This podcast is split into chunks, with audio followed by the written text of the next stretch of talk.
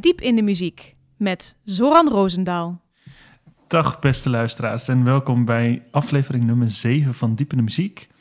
Ik ga verder met uh, Rob in gesprek over de relatie tussen symfonische en blaasmuziek. En dat doen we aan de hand van zijn werk La Terre van Van Orkest. Um, we zijn eigenlijk gestopt met de open vraag: wat is blaasmuziek? Die stelde jij heel. Die gooide je in het uh, om het maar zo te zeggen.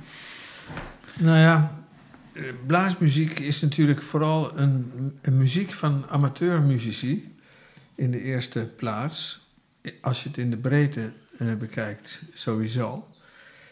Uh, en het professionele aandeel is beperkt. En lijkt de laatste decennia eerder minder dan meer te worden. Terwijl een professionalisering natuurlijk wel heel erg belangrijk is voor het vasthouden van een status. Uh, ja, moet de blaasmuziek het daar toch niet in de eerste plaats van hebben? En je zou zeggen, waar moet de blaasmuziek het dan wel van hebben? Waar heeft de symfonische muziek het eigenlijk aan te danken dat, dat de symfonische muziek zo belangrijk is? Hè? Het is misschien om even te spiegelen. Dat is, uiteindelijk gaat het gewoon om de componisten. Het gaat gewoon om wie hebben er symfonische muziek geschreven en hoe weten die componisten ons iedere keer weer opnieuw te boeien? En waarom willen wij voor de tachtigste keer de vijfde symfonie van Beethoven horen? Uh, bedoel, ja, dat soort uh, dingen.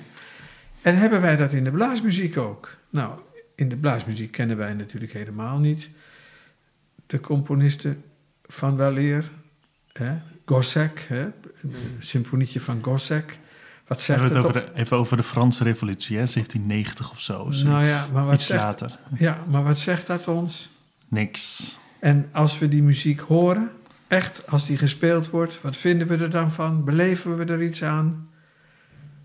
Ik weet het antwoord wel. Het is een eenwettig Ik heb het nooit live gehoord. Dus. Nou, dit is gewoon niet iets waarvan je zegt van...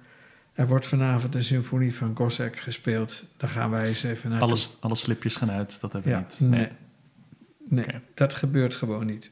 Dus dat is al een groot verschil tussen symfonische muziek en blaasmuziek. De geschiedenis van de symfonische muziek is heel sterk. Door de grote mensen die zich daarmee hebben beziggehouden. En die ons blijven boeien. En ja, wat is het geheim daarvan dan? Ja, dat. Uh, er is een stuk van over, hè, over de telefoon. De telefoon van, van wie was dat? Menotti. Ja. Ja, de telefoon van Menotti. Een heel leuk stuk.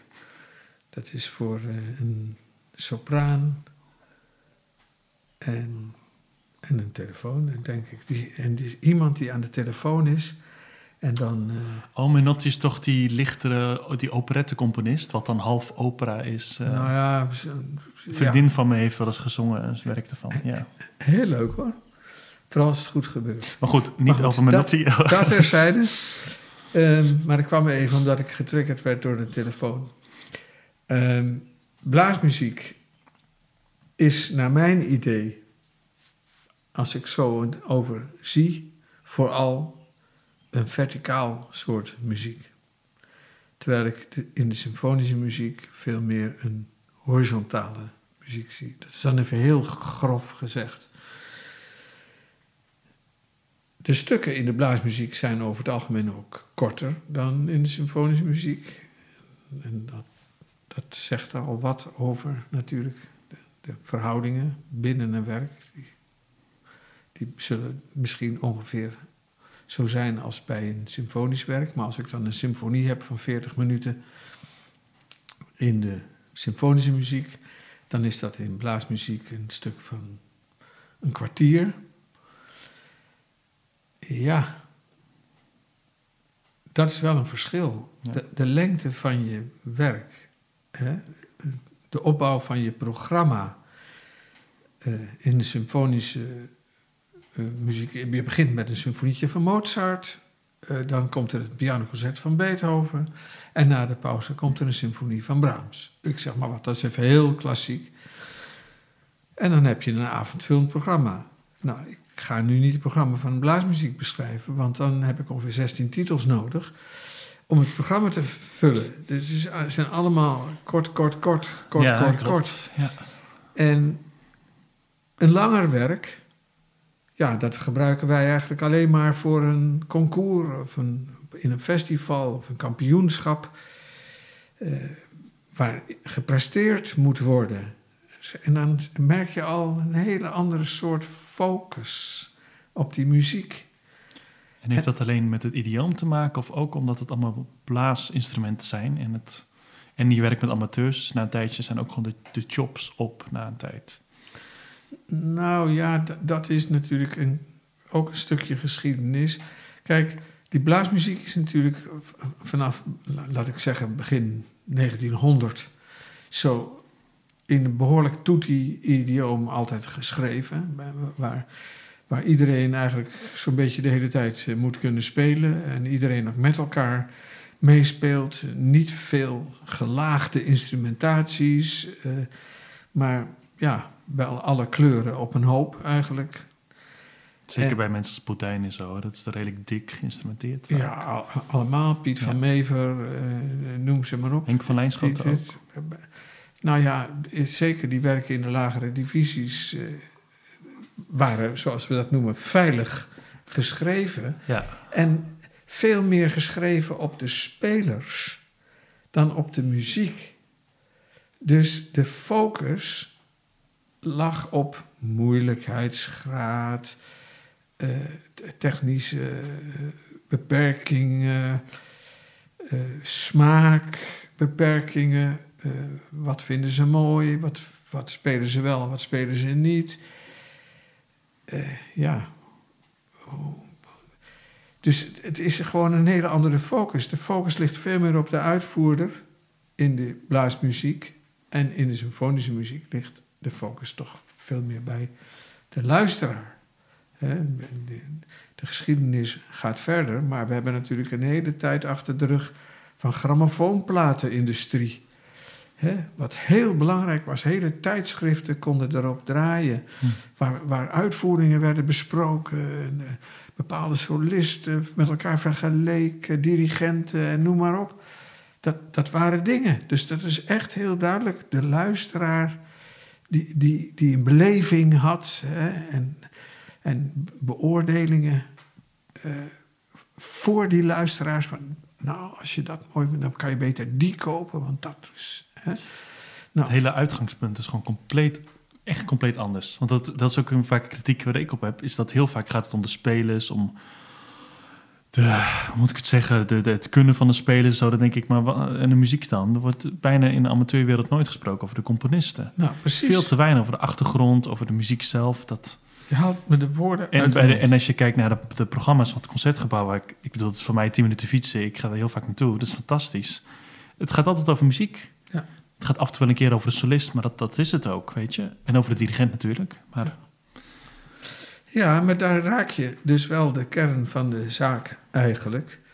Ik zie eh, affiches en ook aankondigingen op internet eh, van concerten door blaasorkesten. Waar staat op welke datum, hoe laat en in welke zaal ze een concert geven. maar met geen woord wordt gerept over wat er gespeeld wordt. ja, Nou, je, je denkt toch zeker niet dat er iemand naar het concertgebouw gaat als je niet weet wat er gespeeld wordt.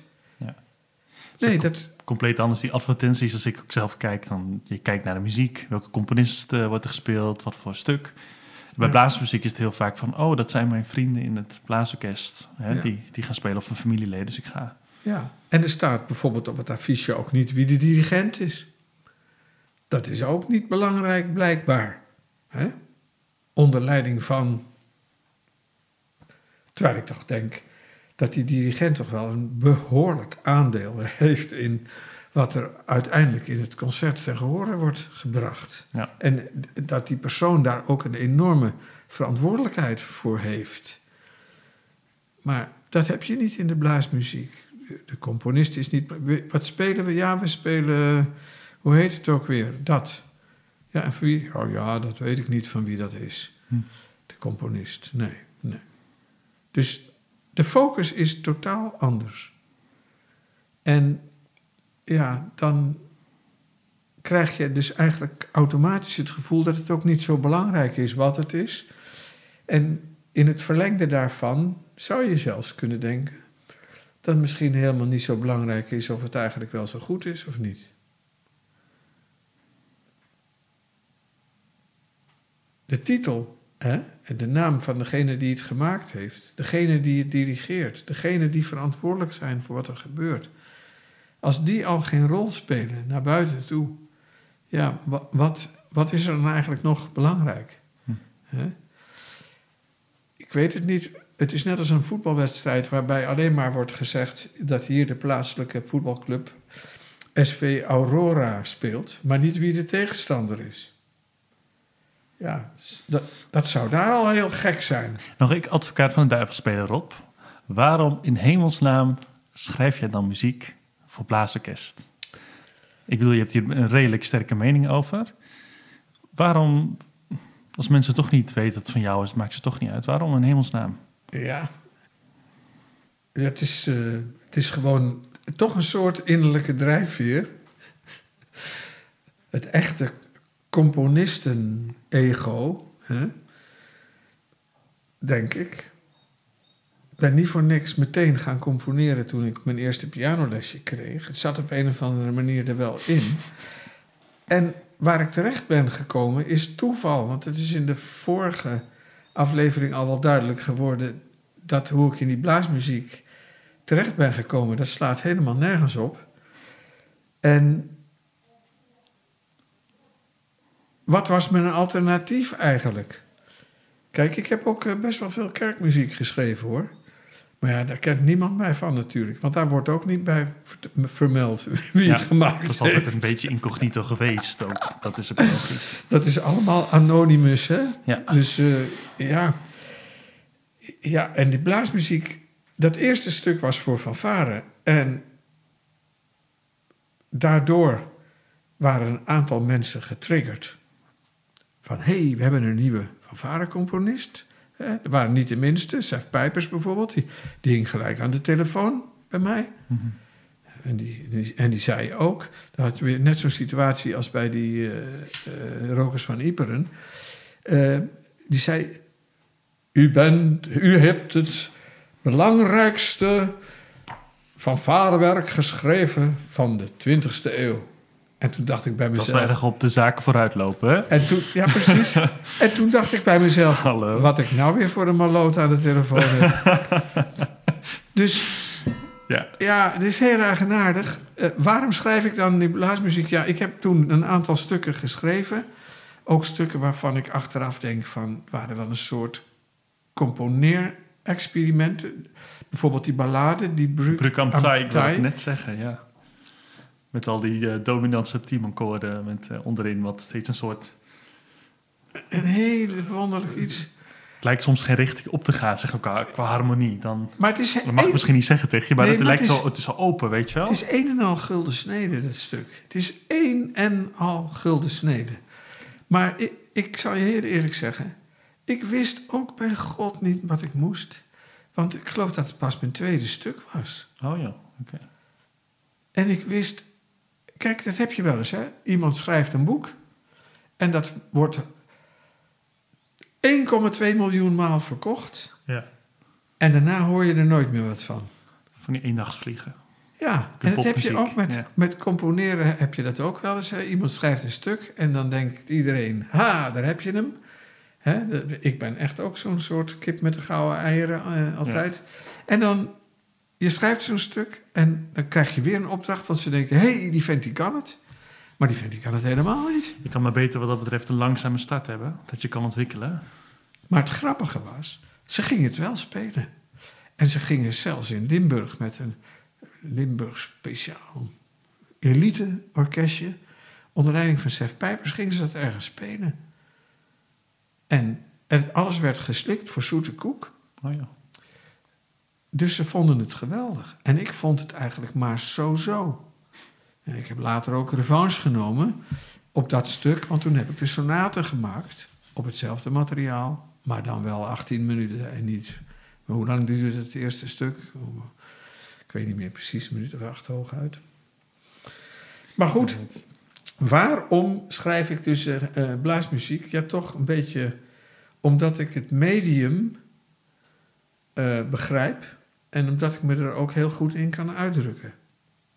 En als er een, en er zijn in Nederland wel een paar orkesten die dat echt kunnen, als er een, een orkest is wat het heel goed spelen kan, en ik hoor het een keer goed, dan is het voor mij ook klaar, dan ben ik ook tevreden. Ja. En ik schrijf het niet te- ter meerdere eer en glorie van mijn bankrekening, maar toch als een soort ja, muzikale uitlaatklep. ja, het is echt een stukje zelfexpressie, wat je blijkbaar nodig hebt. Ja. Ja. En vroeger schreef ik dus voor mijn blaasmuziektijd experimenteler. Eh, ik moest natuurlijk een beetje terugschakelen, omdat het anders niet, helemaal niet aanslaat in de blaasmuziek. En nu heb ik een soort idioom gevonden waar ik eh, een beetje kan larderen. Hè? Dus ook wat modernere lijkende passages en wat dingen die mensen wat makkelijker kunnen bevatten, zeg maar. En, en, en daar een synthese in. Mhm. En daar kan ik me best wel redelijk in uiten. Het is eigenlijk, mijn stijl is eigenlijk een soort compromis ook geworden vanwege de blaasmuziek. Maar ik zoek toch wel weer de dingetjes op. Hè. Bijvoorbeeld in, nog niet zo heel lang geleden heb ik een stuk geschreven voor strijkoctet, piano en fanfare. Het is voor het WMC, hè, geloof ik. Ja, maar Ja. dat gaat niet door, want het orkest gaat niet. Oh, Maar het, het, daar heb ik ook alweer die, die, die cirkeltechniek gebruikt, zeg maar, va- van van Bartok. Bartok. Ja. Maar dan in relatie tot de twaalftoon. eh ja, niet serieel, maar toch een twaalftoonstechniek. Mhm. Waardoor eh, een soort clusters ontstaan. Ja, en op een of andere manier heb ik wel het gevoel dat ik dan een, iets heb ontwikkeld zelf, waardoor dat toch nog voor een amateur-luisteraar behapbaar blijft. ja. Maar je Zoiets. zoekt wel de grens op, als het ware. Het is altijd wel een soort van... Ja, Je speelt met de verwachting van je publiek. maar ja, je wilt zelf natuurlijk toch dat het, dat het ook zich ontwikkelt. Dat, dat jouw muziek niet helemaal stilstaat. Mhm. En dat je alsmaar hetzelfde liedje blijft schrijven. Ja. Hè? Wat je natuurlijk, zeker in de blaasmuziek, omdat het een soort handel is, eh, wel vaak ziet gebeuren. Ja. Hè? En, en Rob, jouw, eh, jouw muziek, hè, je hebt heel veel geschreven voor, voor fanfare meestal, maar je hebt ook werk geschreven voor harmonie en voor brassband. Grote werken. En toch heb jij heel veel fanfare composities. Volgens mij is dat ook echt wel een beetje jouw, jouw, jouw ding, jouw, Nou ja, of jou, jouw liefde, laat ik het zo zeggen. ja, Want daarom wilde ik ook met jou La Terre bespreken. Want volgens mij zitten er ook enige symfonische concepten in. Je laat het van vader op een bepaalde manier klinken zoals we hem niet vaak horen. En ik wilde er toch een uitstapje naar maken. ja. Dit werk komt uit 2004, geloof ik. Ik zie het gewoon voor in de partituur hoor. Dus Is ik het zie staan.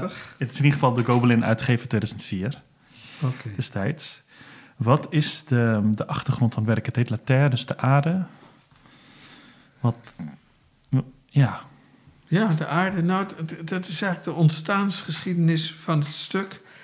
Eh, er kwam een delegatie van de fanfare van Maasbrachtbeek eh, bij mij op bezoek.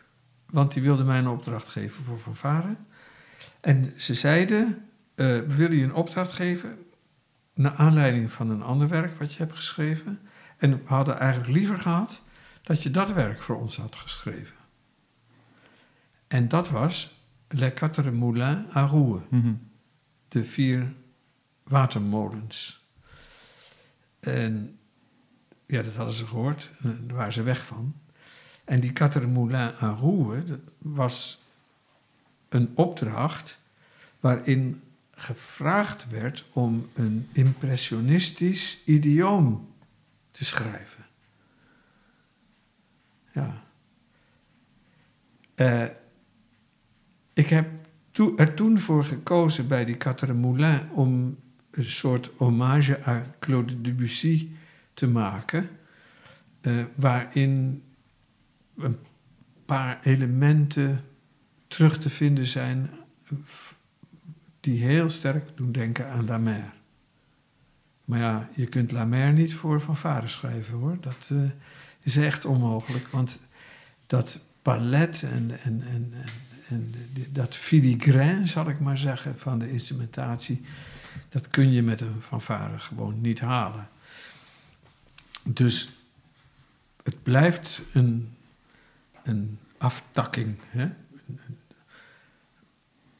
Een, andere, een andere manier om een impressionistische sfeer op te roepen. Mhm. Nou, zij vonden dat heel mooi. Uh, ja, dan moet je eigenlijk, en dat vind ik altijd lastig, voor de tweede keer hetzelfde stuk gaan schrijven. Want ze hebben al verteld wat ze mooi vonden en wat ze eigenlijk hadden willen hebben, maar dat had een ander al. Dat is gewoon lastig. Dus dan is het goed om een idee te hebben. Het is sowieso het beste om een idee te hebben als je een stuk gaat schrijven. Dat je weet waar je aan denkt, waar, je je op oriënteert, waar je je mee bezighoudt. En in dit geval uh, zou het stuk eigenlijk moeten gaan over de fanfare. En een fanfare bestaat voor het grootste gedeelte uit instrumenten die uit ertsen zijn voortgekomen. Dus een delfstof waaruit metalen worden gemaakt en hmm. waarvan dan instrumenten worden gemaakt. En ik heb daar dan twee invalshoeken gekozen. Uh, het eerste deel gaat over de aarde, hè, zo heet het stuk ook, La Terre. De aarde, de aarde als, uh, als voedingsbodem, waar de bouwstoffen, de grondstoffen voor de instrumenten uit voortkomen. Dus de natuur, waar we wel eens over spreken, moeder aarde.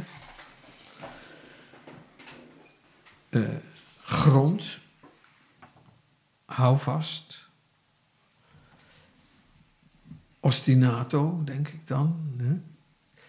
En als je het stuk bekijkt, dan merk je ook dat er heel veel ostinato in zit. Dat er heel veel aan de onderkant ja, herhaling is dat er heel veel bodem in het uh, stuk is gemaakt. En dat daarbovenop, daar beweegt van alles. Hè? Want, uh, nou ja, sowieso in die aarde beweegt al van alles, maar daarbovenop, daar beweegt ook heel veel, onder andere mensen bijvoorbeeld. Uh, ik heb gekozen toen voor een, een polyfone opzet. Dus waar, waardoor ik eigenlijk heel lang dat ostinato, die grond aan de onderkant, als bodem kon gebruiken voor alles wat daarboven uh, zich ontvouwt. Dus een soort fugatische opzet. Uh, ja, en waar komen dan die noten weer vandaan? Hè? Dat is altijd het probleem natuurlijk. Want een ostinato, zeker als het gaat om iets wat zich op één toon beweegt, dat is natuurlijk makkelijk te maken. Want daar heb je weinig fantasie voor nodig. Behalve dat je moet kiezen welke van de twaalf je dan neemt. Maar mijn thema, dat is ook weer zo'n draaiend draaiende figuur, volgens mij. Ja, ja, ja, dus je ziet er die, die cirkels in de melodie. En je ziet volgens mij ook die kwartsprongen en die secundedraaiingen zie je steeds daarin. Dus het is een soort haakwerkje eigenlijk, hè? Hmm. waarbij die seconde eh, eh, om de haaknaald gaat, zeg maar. Geïnstrumenteerd in de saxofoons. Ja. Op begin saxofoongroep. Ja. Ja, en, en dat, dat moet dan op een gegeven moment uitmonden in een soort, ja, noem het impressionistische uitbarsting. Maar het is eigenlijk meer een soort romantiek toch. Het zijn van die uitwasemingen die in één ja, keer ontstaan. precies. Die, Ja. die zucht. eh, Ja, precies. Dat is prachtig. ja, Nou. Zullen we eerst een stuk gaan luisteren, Rob? Ja. Naar het begin van het Goed idee, dat is mooi.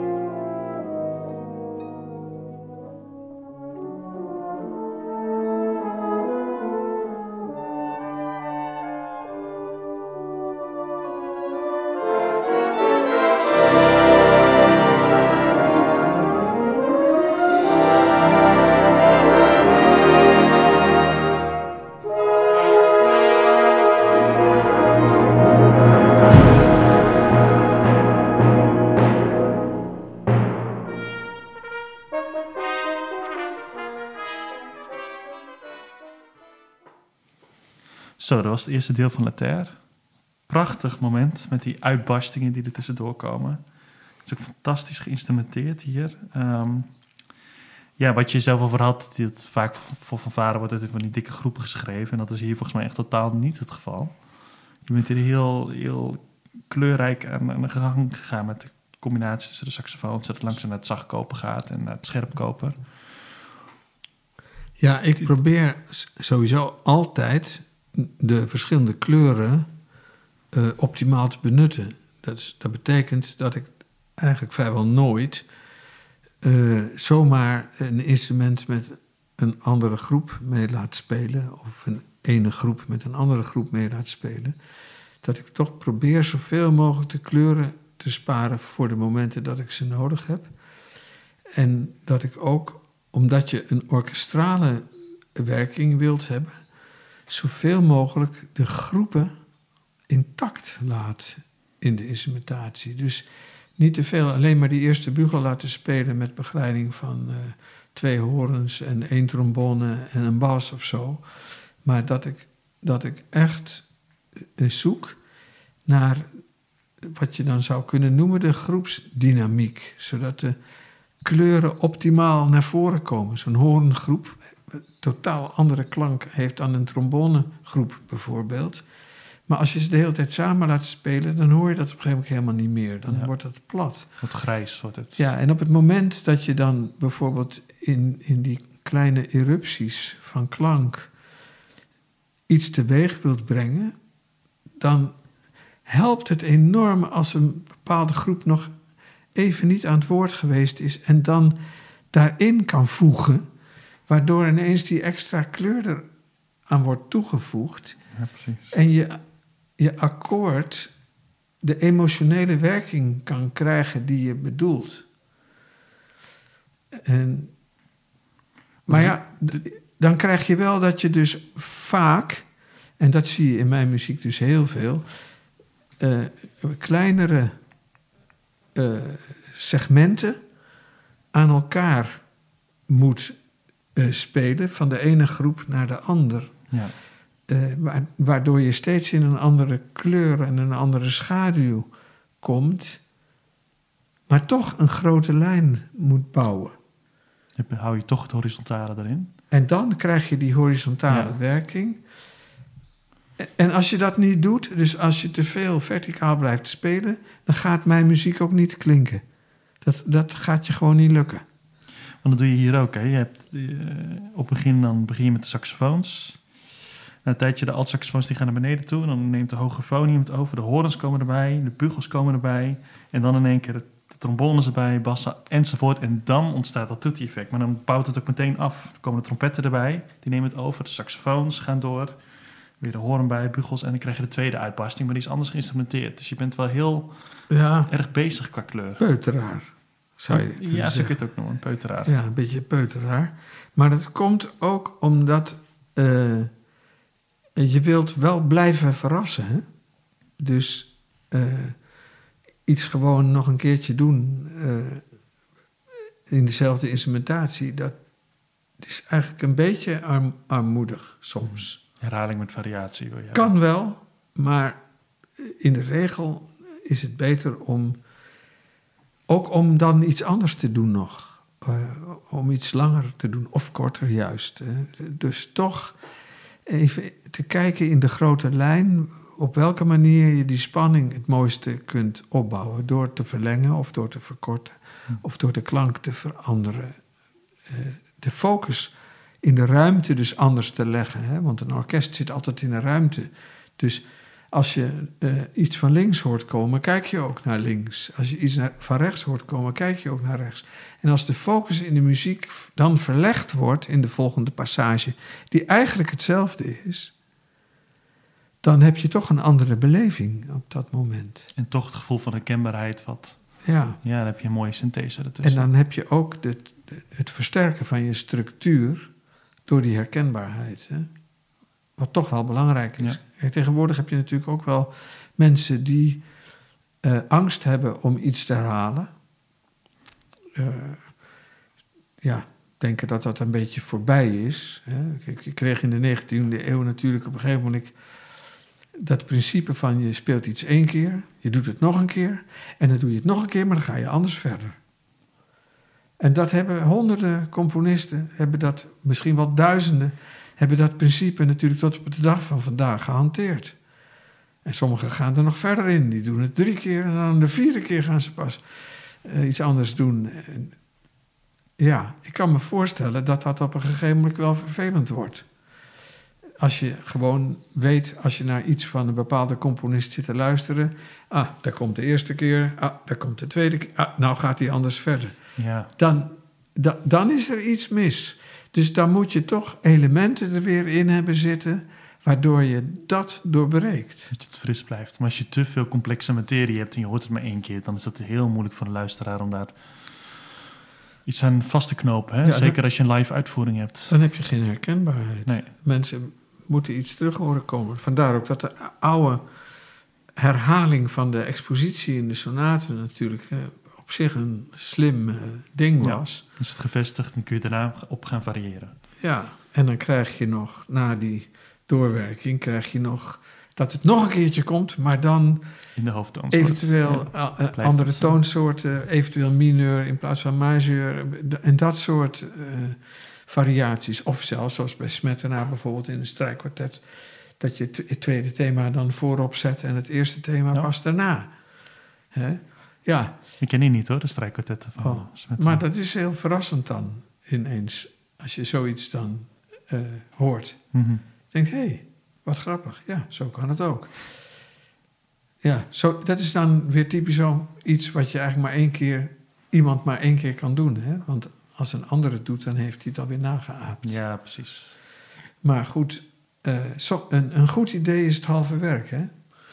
Dus wat dat betreft. Ja. Ook als je een goed thema hebt, dan kun je ermee werken, eindeloos mee werken eigenlijk. Als Ja, en dat heb je hier in Lataire dus eigenlijk ook wel. Je hebt dat beginthema, wat, wat dus heel, polyfoon gebruikt wordt, wat, wat ook terug blijft Ja, komen. Waar ook op een gegeven moment eh, het thema eh, komt. En dan eh, op, op dubbel tempo komt het thema er tegenaan. De- hè? Dus dat, dat soort spannende polyfonie. En er is een tweede thema, wat natuurlijk veel meer op het ijzer is, zal ik maar zeggen. Op veel fermer, markanter. met markantere ritmes. En die twee elementen spelen gewoon in dat eerste deel de hoofdrol. En ja, ik, ik probeer me altijd heel erg bij mijn materiaal te houden en te, te kijken in hoeverre ik daarmee aan het woord kan blijven. Dus niet te veel elementen, want naarmate je meer elementen gaat toevoegen, wordt de muziek steeds, muziek wordt steeds verticaler. Fragmentarischer. Ja, Ja. omdat er dan weer iets nieuws komt, dan komt weer iets nieuws. En dan raak je eigenlijk het luisterverband ook een beetje kwijt. Ja. En dan verliest het stuk ook zijn identiteit. Dus een beetje van die verhalende muziek. Een beetje Steven eh eh, Reineke bijvoorbeeld. Allemaal van die dingetjes na elkaar. Ja, verhaaltjes, muziek. Verhaaltjes, ja. Wat ik altijd noemde dia-presentatie. Dus eh, we gaan dia's kijken van de vakantie. Ja. hè. Hier zien we dit. En als het, als, en het daar allemaal, zien we dat. als het allemaal goed in elkaar vervlochten is, dan denk ik dat heeft nog wel zin. Maar heel vaak hoor je ook in blaasmuziek dat gewoon nu is het volgende. En dan Koud gewoon aan elkaar. koud aan elkaar, ja precies. Ja, en dat is natuurlijk jammer, want dat is natuurlijk armoe. Eigenlijk. Koud aan elkaar is armoe. Wij gaan een stukje verder luisteren op, eh, verderop in de partituur. Naar eh Un peu plus lent. Is een beetje langzamer. Laten we er eerst even naar dat gedeelte gaan luisteren.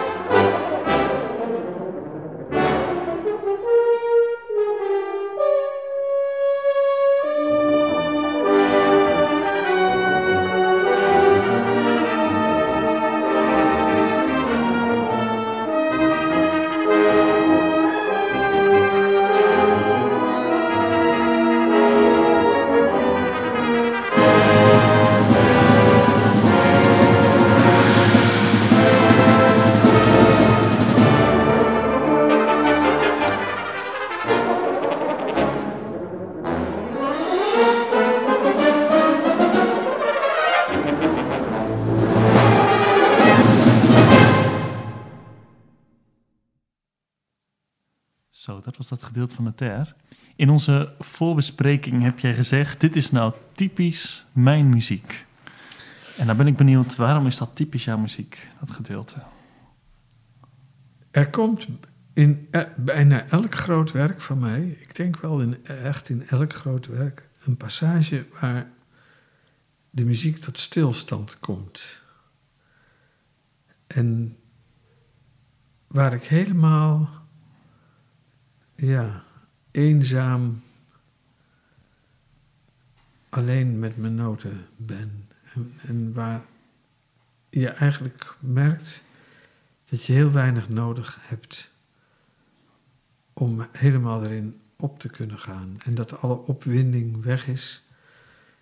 Dat, en in dit geval, en dat is, gebeurt wel vaker, is het eigenlijk ook gewoon het, het rustmoment voordat uiteindelijk weer die opwinding naar het einde toe op gang gaat komen.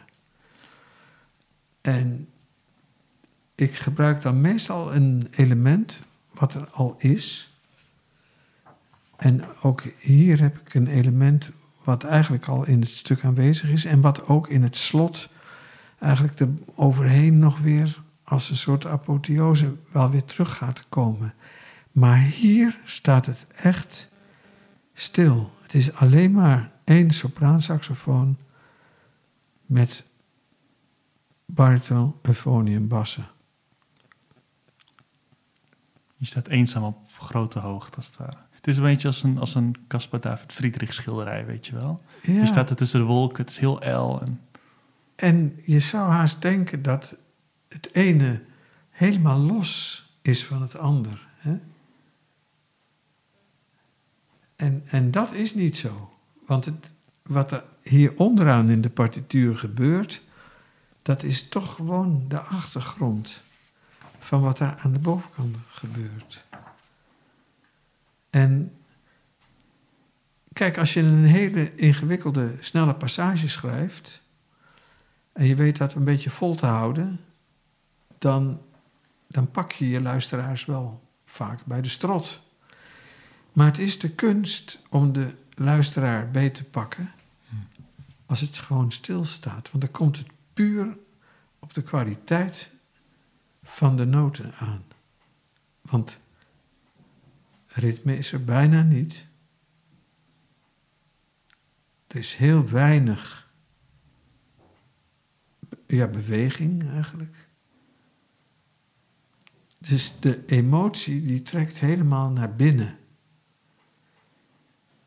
En op een of andere manier, ik kan dat ook niemand leren, overkomt me dat eigenlijk in, in, in heel veel stukken. Dat er dan zo'n passage komt, of dat ik een overgang maak van het ene deel naar het andere, waar het als het ware de muziek soort stolt.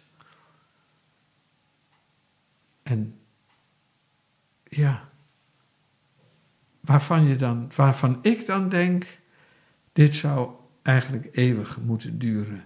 Want als me dat zou lukken, dan heb ik het eeuwige leven. dat Maar, is wel heel esoterisch. maar dan op een gegeven ogenblik, kijk, want het werkt dan uit. Het, het gaat natuurlijk op een gegeven moment naar beneden. Het gaat naar de tenorsax, de baritonsax. Komt in een bugel terecht. Het, het, het, het blijft aanwezig.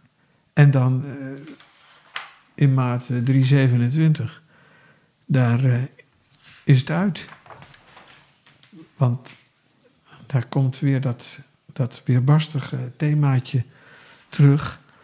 Hè, van die toccata, dat tweede gedeelte is eigenlijk een soort toccata. Dat is, dat is de fanfare zelf die speelt. Niet meer zit, het ijzer zit niet meer in de grond, het ijzer zit op het podium. Dat is dat laatste deel. En dat gaat dan gewoon door naar het einde. En je ziet dat in 3, eh, nou 66 of zoiets is het. 3, 65. Dat je daar een, een soort, ja, wel weer die lange noten terugkrijgt. Maar de dynamiek is fataal. Hè? Want het is bijna uit. Ja, het is bijna zelfvernietigend. Ja. Ja. En, en, en dat is best wel ook wel een e- emotioneel eh, gebeuren met die ritmemuziek. Kijk, en dit is nou ook precies de reden waarom ik deze podcast eigenlijk ben gestart. Heel vaak gaat het, zeker in blaasmuziek, dus niet over dit soort type gesprekken over muziek, de inhoud van de muziek, maar meer over een soort van oppervlaktemateriaal. Terwijl ik denk, eh, hier is toch best wel een grote behoefte aan om over, over werk te praten op deze manier. Nou, je zou eigenlijk je publiek ook- meer moeten bereiken met toch iets, iets meer ook te leren praten en luisteren. Hè? Dus dat mensen begrijpen dat, dat het geen muziekje is. Hè? We vroeger, welk liedje spelen jullie? Hè? Dat, dat idioom. Maar dat, het- dat, dat, zo praten we over symfonische muziek niet. Hè? Als, hè, als we de serenade in C eh, van eh Tchaikovsky, is dat een serenade? Ik geloof het wel, hè? Dat, dat, dat voor strijkorkest. Dat, eh, nou, ik wil er even vanaf zijn, maar... Ik denk het wel.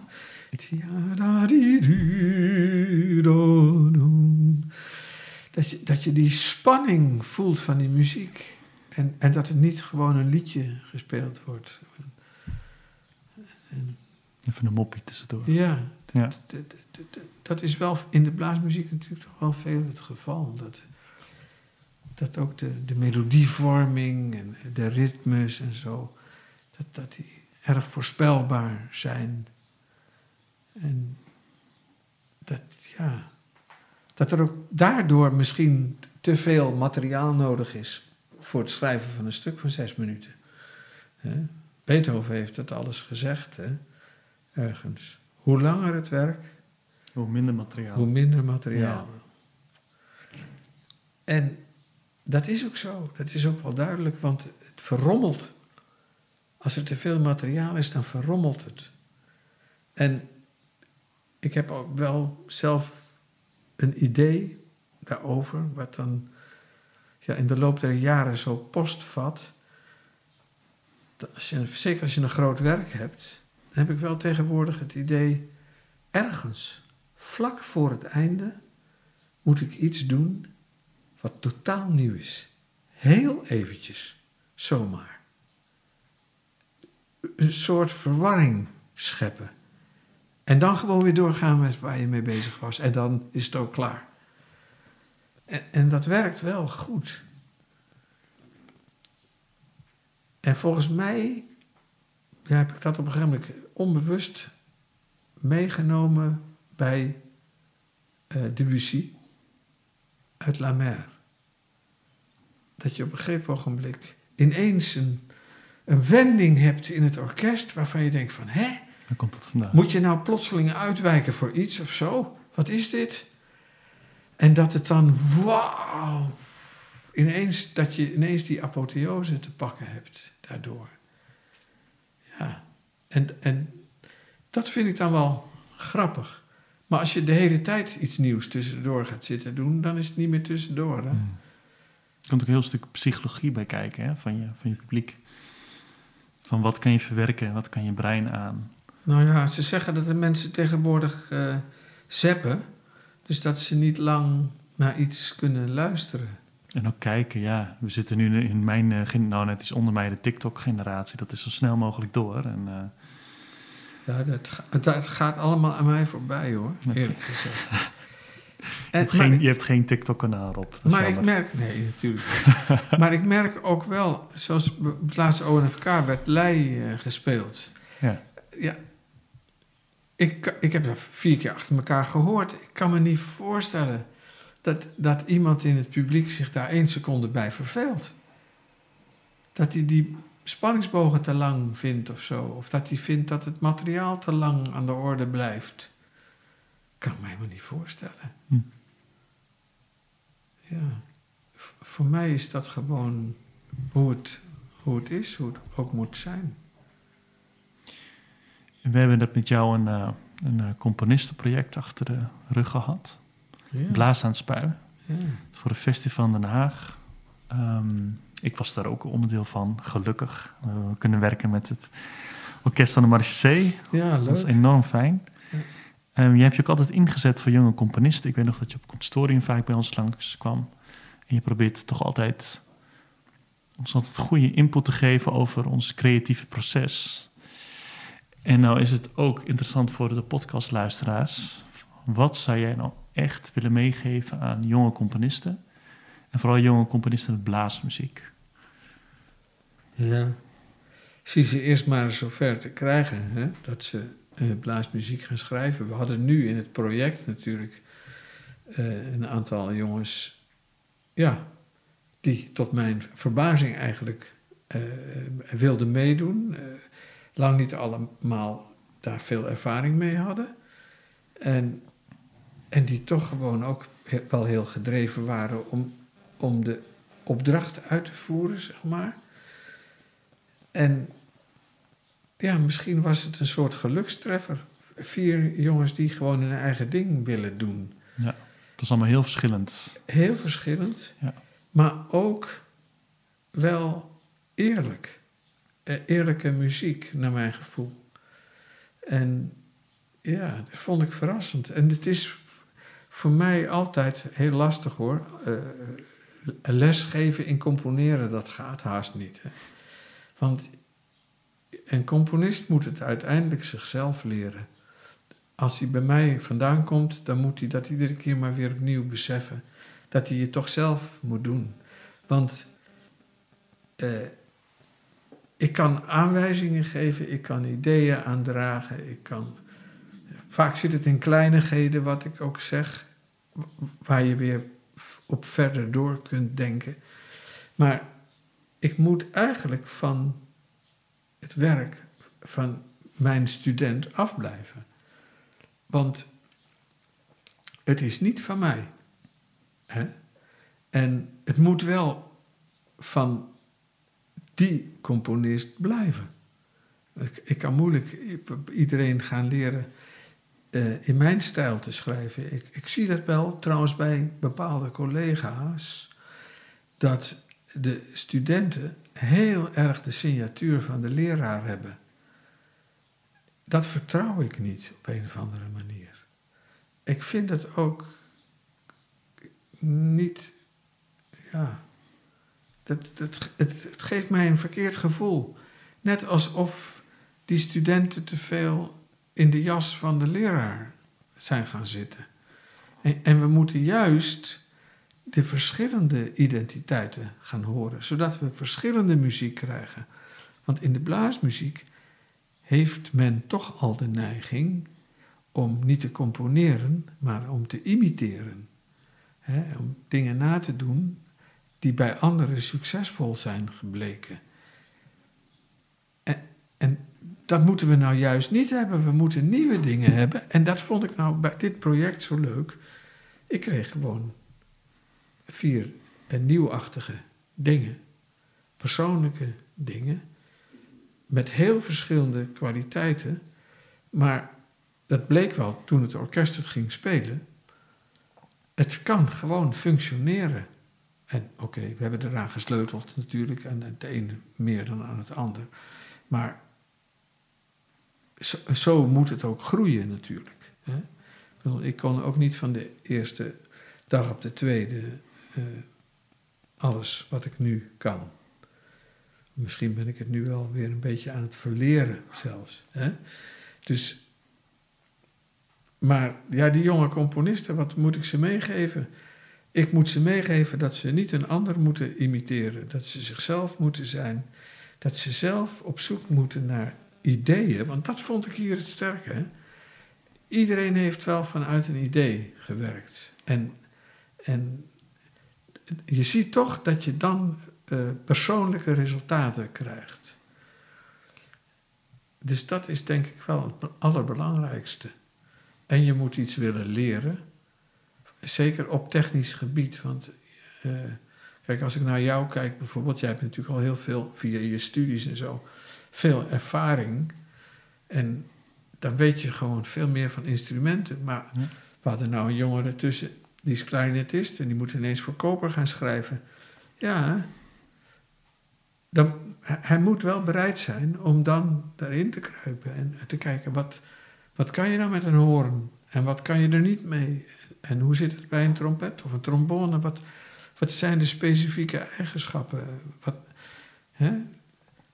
Dat merk ik wel vaak als ik componisten, tussen aanhalingstekens, van een compositieopleiding krijg, dat die eigenlijk heel weinig weten van het ambacht. Gewoon van instrumentenkennis ook. Niks. We hebben toen in Amsterdam die masterclass gehad met de componisten, een paar componisten van de, van de, ja, de componistenafdeling, zeg maar. De componistenklas. Ja, het viel mij enorm tegen.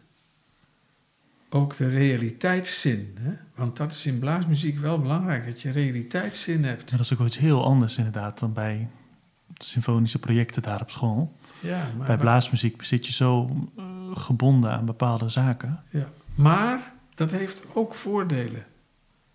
Uh, kijk, flauwekul schrijven, dat, ja, ik vind dat heel moeilijk.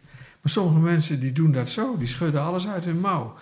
Maar als ik dan kijk wat er allemaal staat, dan denk ik, dit is ook flauwekul. En dan wordt het één keer geprobeerd, ergens op een concert.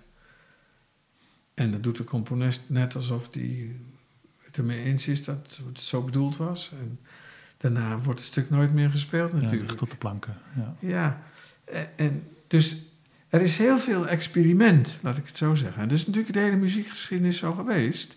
Ja, maar het is, het is, op compositieopleiding, zeker in Amsterdam, het is heel, veel, heel conceptueel natuurlijk. Ja. Dat is zo. Maar ja, men vergeet wel eens dat er twee componenten zijn die heel belangrijk zijn. En het zijn wel twee componenten die in de blaasmuziek ook op geld doen natuurlijk. Dat is één, het moet door mensen gespeeld kunnen worden. En dat wordt nog wel eens vergeten door de... Als je geen elektronische muziek schrijft, tegen, zeker. Nou, natuurlijk. Ja. Ja, maar een heleboel mensen schrijven muziek alsof het door een machine gespeeld moet worden. En, en dat kan niet, mm -hmm. natuurlijk. En het andere is natuurlijk toch dat de muziek in principe wel voor een publiek bestemd is. En dat het muziek iets is wat door de lucht naar ons toe wordt gebracht. En dat, het is niet zo dat je naar een concert gaat en dat je bij de ingang een boekje krijgt uitgereikt waarin je de stukken kunt lezen en dat er vervolgens niks gespeeld wordt. Zo werkt het niet. Muziek is klank. Muziek is wat je hoort. En een visuele referentie in de vorm van een live concert, dat is natuurlijk fantastisch. Het is natuurlijk fantastisch om de mensen die de muziek maken tegelijkertijd ook te zien. Want dat doet wat met je ook, omdat het ook soortgenoten zijn. Hè? Dus ik bedoel, het zijn toch mensen die iets kunnen wat wij weer niet kunnen. Ik bedoel, ik ben componist, maar wat al die blazers daar zitten te doen, daar heb ik dan een enorme bewondering voor. Zeker als het als, als geheel zo goed gedaan wordt, als, ja. wat er gelukkig toch ook vaak wel gebeurt. Ja, dus nog steeds terug bij die vraag wat ik die jonge componisten wil meegeven. Maar het is, ontwikkel je eigen ideeën. Daar mag je net zo experimenteel en revolutionair in zijn als in de kwatshoek, om het zo maar te zeggen. Maar vertaal het wel naar een praktische situatie en hou uh, goed voor ogen voor wie je het maakt. Dat heeft en met de appreciatie en met de uitvoerbaarheid te maken. Want anders gaat het gewoon niks worden. Mm-hmm. Het is toch uiteindelijk zo, als je je orgelconcert hebt gegeven en je daalt de trap af en onderaan de trap staat de schare fans. Die periode heb ik meegemaakt hoor. Ja, je lacht erom. Maar ik speelde heel vaak het derde koraal van Frank, van Cesar Frank, als laatste uh, onderdeel van mijn programma. En ik, want ik wist dat ik een vast publiek had, die overal waar ik het derde koraal speelde, daar kwamen ze. en als je dan beneden komt en je ziet die gezichten staan, dat is wat je wilt. Niet alleen als je speelt, maar ook als je componeert. Je wilt toch dat, dat mensen je, jouw muziek ook omarmen. En dat het voor mensen ook een katalysator kan zijn voor hun gevoel. Waar ze zich ook in het luisteren kunnen uiten, waar ze emoties kunnen krijgen, waar mensen tot tranen kunnen worden geroerd. Hè? Het, het, sentimentele filmpje van Horowitz die de träumerij van, van Schumann speelt. En dat je in het publiek iemand met de ogen dicht ziet zitten en zo'n traan hm. over de wang ziet gaan. Ja, dat is toch. Dat is toch wel het ultieme geluk eigenlijk. Dat de emotie iemand verteert. Dan word ik wel een beetje dramatisch misschien, maar het is wel zo. En je moet je eigen muziek wel mooi vinden, vind ik. Je moet je eigen muziek mooi vinden. Anders is het toch ook geen reden om muziek te schrijven? Is dat heel naïef van mijn gedachten hoor. Maar... Nee, maar anders heb je je taal niet gevonden. Anders dan schrijf je nog theoretisch. Mm Ja, zo. En, en je hoort heel veel muziek, ook in de blaasmuziek, heel veel muziek die emotie ontbeert.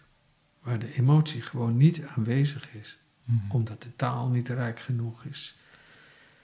En omdat dat, dat, ook een, een, nuance in emotie. Hè? Ja. Soms wel een emotie, maar dan is het redelijk kleurloos op de een of andere manier. Of redelijk eenzijdig qua emotie. Ja, kijk, er zijn natuurlijk allerlei manieren, manieren om emotie op te wekken. Een heel eenvoudig voorbeeld, als je natuurlijk gewoon een heleboel lawaai maakt, honderd maten lang. Een heleboel lawaai en lekker dissonant en met veel uh, slagwerk en, en, en, hoog en laag en, en, van alles door elkaar. En, uh, dat de mensen redelijk in verwarring zijn. En je laat daarna een althobo met begeleiding van prachtig mooie palet in de trombones en de bassen een melodie spelen, heel romantisch, met prachtige akkoorden, ja, dan raakt een gedeelte van het publiek enorm geëmotioneerd, omdat je ze zo negatief hebt geconditioneerd voor die tijd. Dat ze die slijmerij die je daarna schrijft, ervaren als emotie. Mhm. Maar de kunst is om het op een echte manier te doen, met, met goede noten. En, en niet door het, het scheppen van die alleen maar die grote tegenstellingen. Maar om in een eigen taal, een eigen muzikale taal, uh, tegen de mensen te praten en, en ze je verhaal te vertellen, waardoor ze aan je lippen hangen. En het mooiste is als iemand je stuk nog een keer wil horen. En nog een keer, en nog een keer. Dat, dat heb ik altijd met mooie muziek gehad. Mm dat ik er geen genoeg van kan krijgen. En in een bepaalde fase, die lange melodie in de Paganini-variaties van Rachmaninoff. Ja, dat, dat kon ik wel honderd keer horen.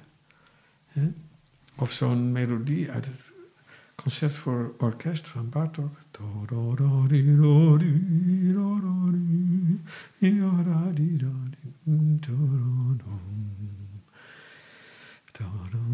et cetera, et cetera, et cetera. En dat, dat alles daar om je heen verdwijnt. En dat dat het enige is in het universum wat op dat moment nog van belang is. Mhm. Dat je buiten jezelf kan komen. Als je dat kan maken. Ja. En dat zul je misschien een keer doen, per ongeluk. En als je dat per ongeluk doet, dan komt het omdat je voor die tijd daar heel goed aan hebt gewerkt. Dat je alles maar bezig bent geweest om het te proberen te vinden. Hè? Dus ik merk dat wel, zoals jij nu de laatste tijd bezig bent, zo de noten die ik de laatste keren zo gezien heb, dan denk ik, kijk, daar, daar zitten allerlei dingen in. Dat moet wel tot iets goeds leiden, denk ik dan. Ja, dat is fijn om te horen. Ja is heel fijn. Rob, als laatste, voordat wij, want we gaan echt een eind aan breien. Want we hebben een fantastisch gesprek, maar de podcast houdt een keer op. Ehm, ben jij nog wel een beetje positief gestemd over de toekomst van blaasmuziek in het kort? En ook vooral de ontwikkeling van de muziek daarvoor? Nou ja, Ik, persoonlijk zie ik niet zoveel muziek die mij heel erg aanspreekt. Ik heel af en toe kom ik eens iets tegen waarvan ik denk, hé. Hey. En dat is dan vaak bij dezelfde jongens. Uh, uh, laatst op het ONFK hadden we bijvoorbeeld wel één stuk waarvan ik eigenlijk wel heel erg weg was. Maar het was een heel goed in het concept geschreven en puur vanuit de muzikale gedachte hm. gemaakt. En ja, gewoon ook vakwerk, maar ook heel mooi. En, en dat heb ik toch niet zo heel vaak. Het is toch vaak heel veel effectbejag wat je hoort en weinig structuur, uh, veel leentjebuur. Uh, dus daar ben ik niet zonder meer heel positief over, over de kwaliteit van de muziek. En het komt natuurlijk toch ook dat het wereldje wel enorm commercieel gestuurd wordt. Uh, ja. En dat heeft ook met uh, verkoopcijfers te maken. Van uitgevers bijvoorbeeld. Hè. Mm. En wat er wel en wat er niet uh, met veel publiciteit op de markt komt. In het algemeen hoop ik wel dat die blaasmuziek zal blijven. En dat er mensen zijn die ervoor blijven schrijven.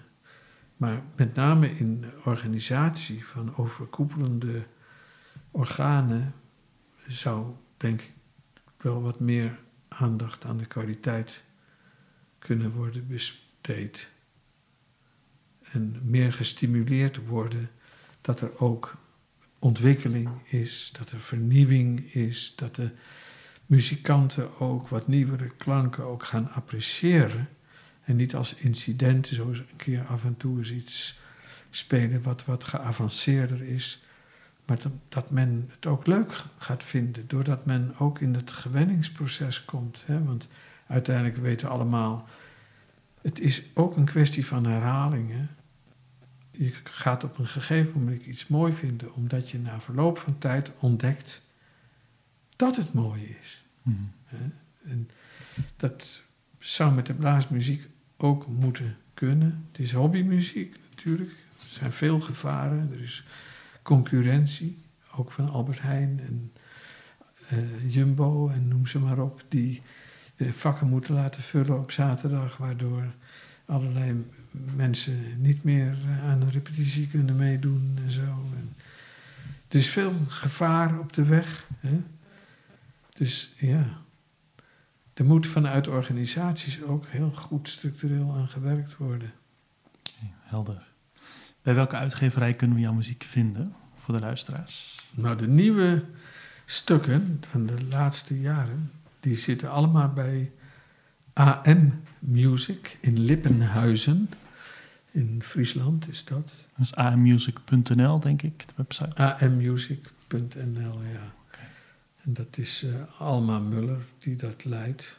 En die vrouw die doet heel erg haar best om ook wat niet rendabel is op de markt te brengen. En ja, dat is gewoon heel belangrijk. Hè? Haar voorganger, Ite Boyten, die deed dat eigenlijk ook al. Maar ja, zij heeft gelukkig dat stokje goed overgenomen. En uh, ja, dus niet zo heel commercieel, maar uh, ik kan in ieder geval, ik geef alles gewoon uit wat ik maak daar. alles wat ik aan blaasmuziek maak, dat komt daar terecht. En, uh, ja, daar ben ik heel blij mee. Oké, super. Ik zal het erbij vermelden in de beschrijving. Ik wil je hartelijk bedanken voor het gesprek. Voor de twee afleveringen zelfs. Ja, graag gedaan. Van de podcast. En voor de luisteraars, tot de volgende.